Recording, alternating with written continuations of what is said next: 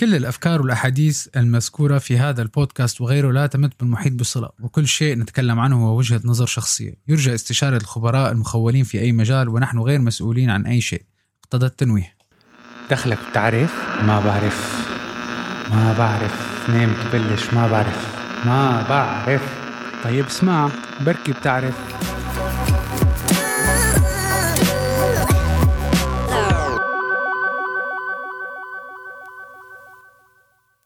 شغل جديد أو قديم شركة أو خدمة. بس تشتغل فيها لازم يعمل الواحد كم حملة إعلانية مشان العالم تعرف عنه. ولكن شو بتساوي لما بيكون مثل ما بيقولوا الحال على القد ويا دوب معنا لنمشي الشغل؟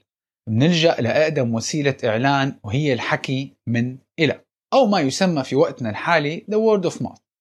وهي إنك تعتمد إنه الناس هن اللي يعرفوا بعض بشو عندك. وأفضل ناس ممكن يساعدوك بهالشي وبدون ما يكلفك ولا فلس هن زباينك نفسهم. كيف؟ أكيد ما رح تقول لهم يا جماعة احكوا عنا بالمنيح لكل واحد بيسأل علينا أو عن شغلنا. لكن جزء من إنك تحافظ على زبونك القديم وتخليه يعمل لك دعاية لحاله إنك تقدم له خدمة يرتاح فيها لدرجة إنه يكون أكثر من فخور. إنه يقول والله فلان الفلاني يعمل لي هيك وأنا ما بشتغل غير مع أحسن ناس. خدمة العملاء شغلة كتير مهمة وللأسف كتير شركات بتتجاهل هالقصة وبيكون شغلهم الشاغل هو إنه يسكر الديل لينتقل للي بعده. خدمة العملاء ما بتبلش لما بتبيع وبعدها بتصير بتعطي العميل الدعم اللازم لا خدمة العملاء بتبلش من أول تليفون بتحكي مشان هيك أنا بحب سميها تعامل مع العملاء لأنه هو شيء مستمر قبل الشغل أثناء الشغل وبعده إلى ما لا نهاية. وهي علاقة مستمرة ولازم تكون في تحسن مستمر وخط بياني صاعد. وأي غلطة بأي مرحلة أيام مو بس بتكلفك الشغل مع الزبون ممكن تكون تبعاتها كتير كبيرة تكلفتها أكبر بكتير منها الزبون. فلازم الواحد ينتبه على كل نقاط ومراحل التواصل ودائما يكون جاهز لتفادي الأخطاء. أو يكون عندك خطة بديلة للتعامل مع الخطأ في حال حدوثه. ومثل ما بيقول لك وارن بافيت لنجاح عملك لازم تتذكر قانونين كتير مهمين. القانون الأول الزبون دائما على حق. القانون الثاني راجع القانون الأول. ونفهم شو قصدنا بخدمة عملاء ممتازة بدي إياك توقف الفيديو للحظة وتفكر بآخر ثلاثة أشهر. هل تعاملت مع شخص أو أي حدا قدم لك خدمة عن جد حسيت إنه مستحيل تنسى طريقة هالتعامل؟ إذا إيه وعم تحضر هالفيديو على التيك توك أو الإنستغرام اكتب لنا بال comment مين الشركة وشو كنت عم تشتري ولا تنسى ال follow. نرجع لحديثنا. هلأ إذا ما تذكرت أي حدا أعطاك هالخدمة المرجوة هذا كتير طبيعي ومثلك متايل. ليش؟ لأن الشركات صار شغل الشاغل يلحقوا المصاري والعملاء يمين وشمال. بالجملة مثل عم بصيد سمك برمح وبس بده يلقط سمك ويحط بالسلة. بدون ما يفكروا كيف يعاملوا الزبون كأنه أول وآخر زبون. فكروا معي. إذا كنت عم تتعامل مع زبون كأنه هذا آخر زبون لإلك وما في أي حدا تاني بعده هل بتعامله بنفس الطريقة؟ أكيد لا. رح تبذل كل جهدك إنك تعامله أحسن معاملة وتعطيه أحسن خدمة. أنا بشبه التعامل مع العملاء مثل الجواز. الهدف هو المحافظة على هي العلاقة بأي ثمن وتذليل كل العقبات مشان هالعلاقة تستمر وما يصل الواحد للانفصال تحت أي ظرف من الظروف. وزبونك هيك لأنه الزبون لما بتخسره كتير صعب ترجعه ويكون عنده نفس الثقة. تأكيدا لكلامي هي قصة صارت معي أنا شخصيا تقريبا من شي عشر سنين. بهداك الوقت كنت عم دور على سيارة وعم بلف على وكالات السيارات. اتفرج بهداك الوقت كان كتير عاجبتني الاودي A 4 وفتت على الوكالة لأتفرج عليها. ويومها كنت رايح على السوبر ماركت بعدها فكنت لابس شورت وتي شيرت وطاقية يعني مو رايح على عزيمة مثل ما بيقول يعني أواعي مريحة. فتت على الوكالة وموظفة المبيعات قاعدة ورا الطاولة ولا حتى قامت من محلها. سلمت سألتها عن ال A 4 قالت لي دقيقتين وبجيب لك المفتاح. ونادت لشخص يروح يجيب المفتاح. أنا عم بنتظر وأتفتل بالوكالة بلشت أمشي بين السيارات وحبيت افتح ال A 8 اللي كان حقها يمكن بهداك الوقت شي نص مليون. سيارة رائعة بالجمال والتقنيات وال design وال finishing حاولت افتح الباب كان مقفول.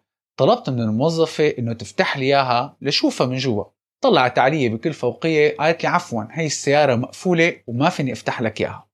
تفضل انتظر لجيب لك مفتاح ال A 4 هون اطلعت عليها وقلت لها بتعرفي؟ ما في داعي لأنه غيرت رأيي. ما عاد بدي. وبلشت امشي لأطلع من المعرض. هون بقى قامت من طاولتها وقالت لي خلص دقيقة وبيوصل المفتاح. قلت لها مو انت بتقرري شو بتفتحي وشو ما بتفتحي. أنا كنت جاية آخذ ال A 4 للبيت وعجبتني ال A 8 فكنت عم فكر أخذها لإلي. بس إذا أنتم هيك بتتعاملوا مع الناس حسب إذا عجبكم شكلهم أو لا بحياتكم ما رح تبيعوا مثل الخلق والعالم بهالأسلوب. وكنت كتير جدي لدرجة إنه صدقت عن جد إني جاي أشتري ال A 8 طلعت وراي على عفوا ولا تواخذنا. وحملت حالي ومشيت. ومن وقتها ولا يمكن أنا بالنسبة لي أشتري الأودي بس بسبب طريقة التعامل بهالموقف. وبنفس النهار رحت على وكالة الإنفينيتي. وبأقل من ساعتين كنت عامل test drive ودافع deposit وشربان قهوة. وصار عندي صديق جديد اللي هو مندوب المبيعات تبع الإنفينيتي. قعدت يمكن بيجي ساعة ونص فتح لي كل سيارة بالمعرض. وورجاني وشرح لي عن كل الموديلات وكأنه حأشتريهم كلهم. ونتيجة هالشي تميت على بسوق الإنفينيتي قريب العشر سنين تقريبا بسبب هالشخص. لذلك طريقة التعامل مع الزبون هي نقطة قوة لازم كنا نستخدمها لصالحنا دائما لأنه بتجيب لك شغل أكثر ما بتتصور. وبتعطيك نقطة قوة كمان بالسوق لأنه أنا فيني نفسك بالمنتج ولكن ما فيني نفسك بأسلوبك وطريقة تعاملك مع الناس لأنه كل شخص عنده أسلوبه وطريقته للمحافظة على الزبون. لازم دائما تحاول كل شيء بتقدر عليه لتعطي الزبون شيء يضل متذكره دائما وتخليه منبهر لآخر لحظة وهو عم بيتعامل معك. شو ما كان اللي عم تبيعه. لأنه هي ما لها أي علاقة بنوعية أو سعر اللي عم تقدمه. وإلها كل العلاقة بأسلوب التعامل وإنك تخلي الزبون مرتبط فيك. وغير هيك أحيانا الناس تعتقد إنه أنا بقنع الزبون بالمنتج تبعي إذا نزلت له السعر وهذا الشيء غلط. فيك تحافظ على نفس السعر بس أسلوب تعاملك يكون ممتاز والزبون حيدفع شو عم تطلب. لما بحس إنك عم تعطيه كل الانتباه المطلوب. لعبة السعر بتزبط إذا كنت عم تبيع شيء كتير مطلوب وموجه للعامة مثل محلات الهايبر ماركت. غير هيك لا. لأنه أحيانا إذا استخدمت السعر كوسيلة إقناع كتير زباين ببطلوا يحترموا المنتج وبيقول لك إيه بكلمتين صار نازل 10 20% وأنا متأكد إنه لسه ربحان وبالتالي الثقة بتروح. بدل ما تعمل هيك عطي الزبون القيمة المضافة ممكن تكون غير مادية إنه تخليه دائما يرجع لعندك.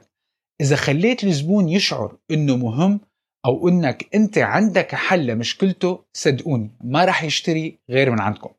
وهون طبعا بتجي أهمية ال up selling وال cross selling لأنه مجرد ما الزبون وثق فيك صار جاهز يسمع لك وياخذ بنصيحتك وممكن تقنعه يدفع أكثر ولما بتقترح شيء زيادة هي البيعة مربحة 100% لأنه المجهود اللي حطيته لتبيع الإضافة كان كتير صغير مقارنة بالبيعة الأساسية وبالتالي وقتك كان أربح بس تذكر نقطة كتير مهمة لا تعطي الزبون شغلة تانية يشتريها قبل ما تتأكد انه الشغلة الأساسية انباعت وهو اقتنع وانه حيدفع حقها ساعتها مجهودك بصير بس إنه يدفع فوق المية مثلا ل20 أو 30 زيادة لتبيع الشغلة الثانية وبهالطريقة لما بتعطي الزبون هالنوع من الانتباه والخدمة هو لحاله بصير بيقترح خدماتك للناس اللي حواليه من دون أي مجهود بطرفك.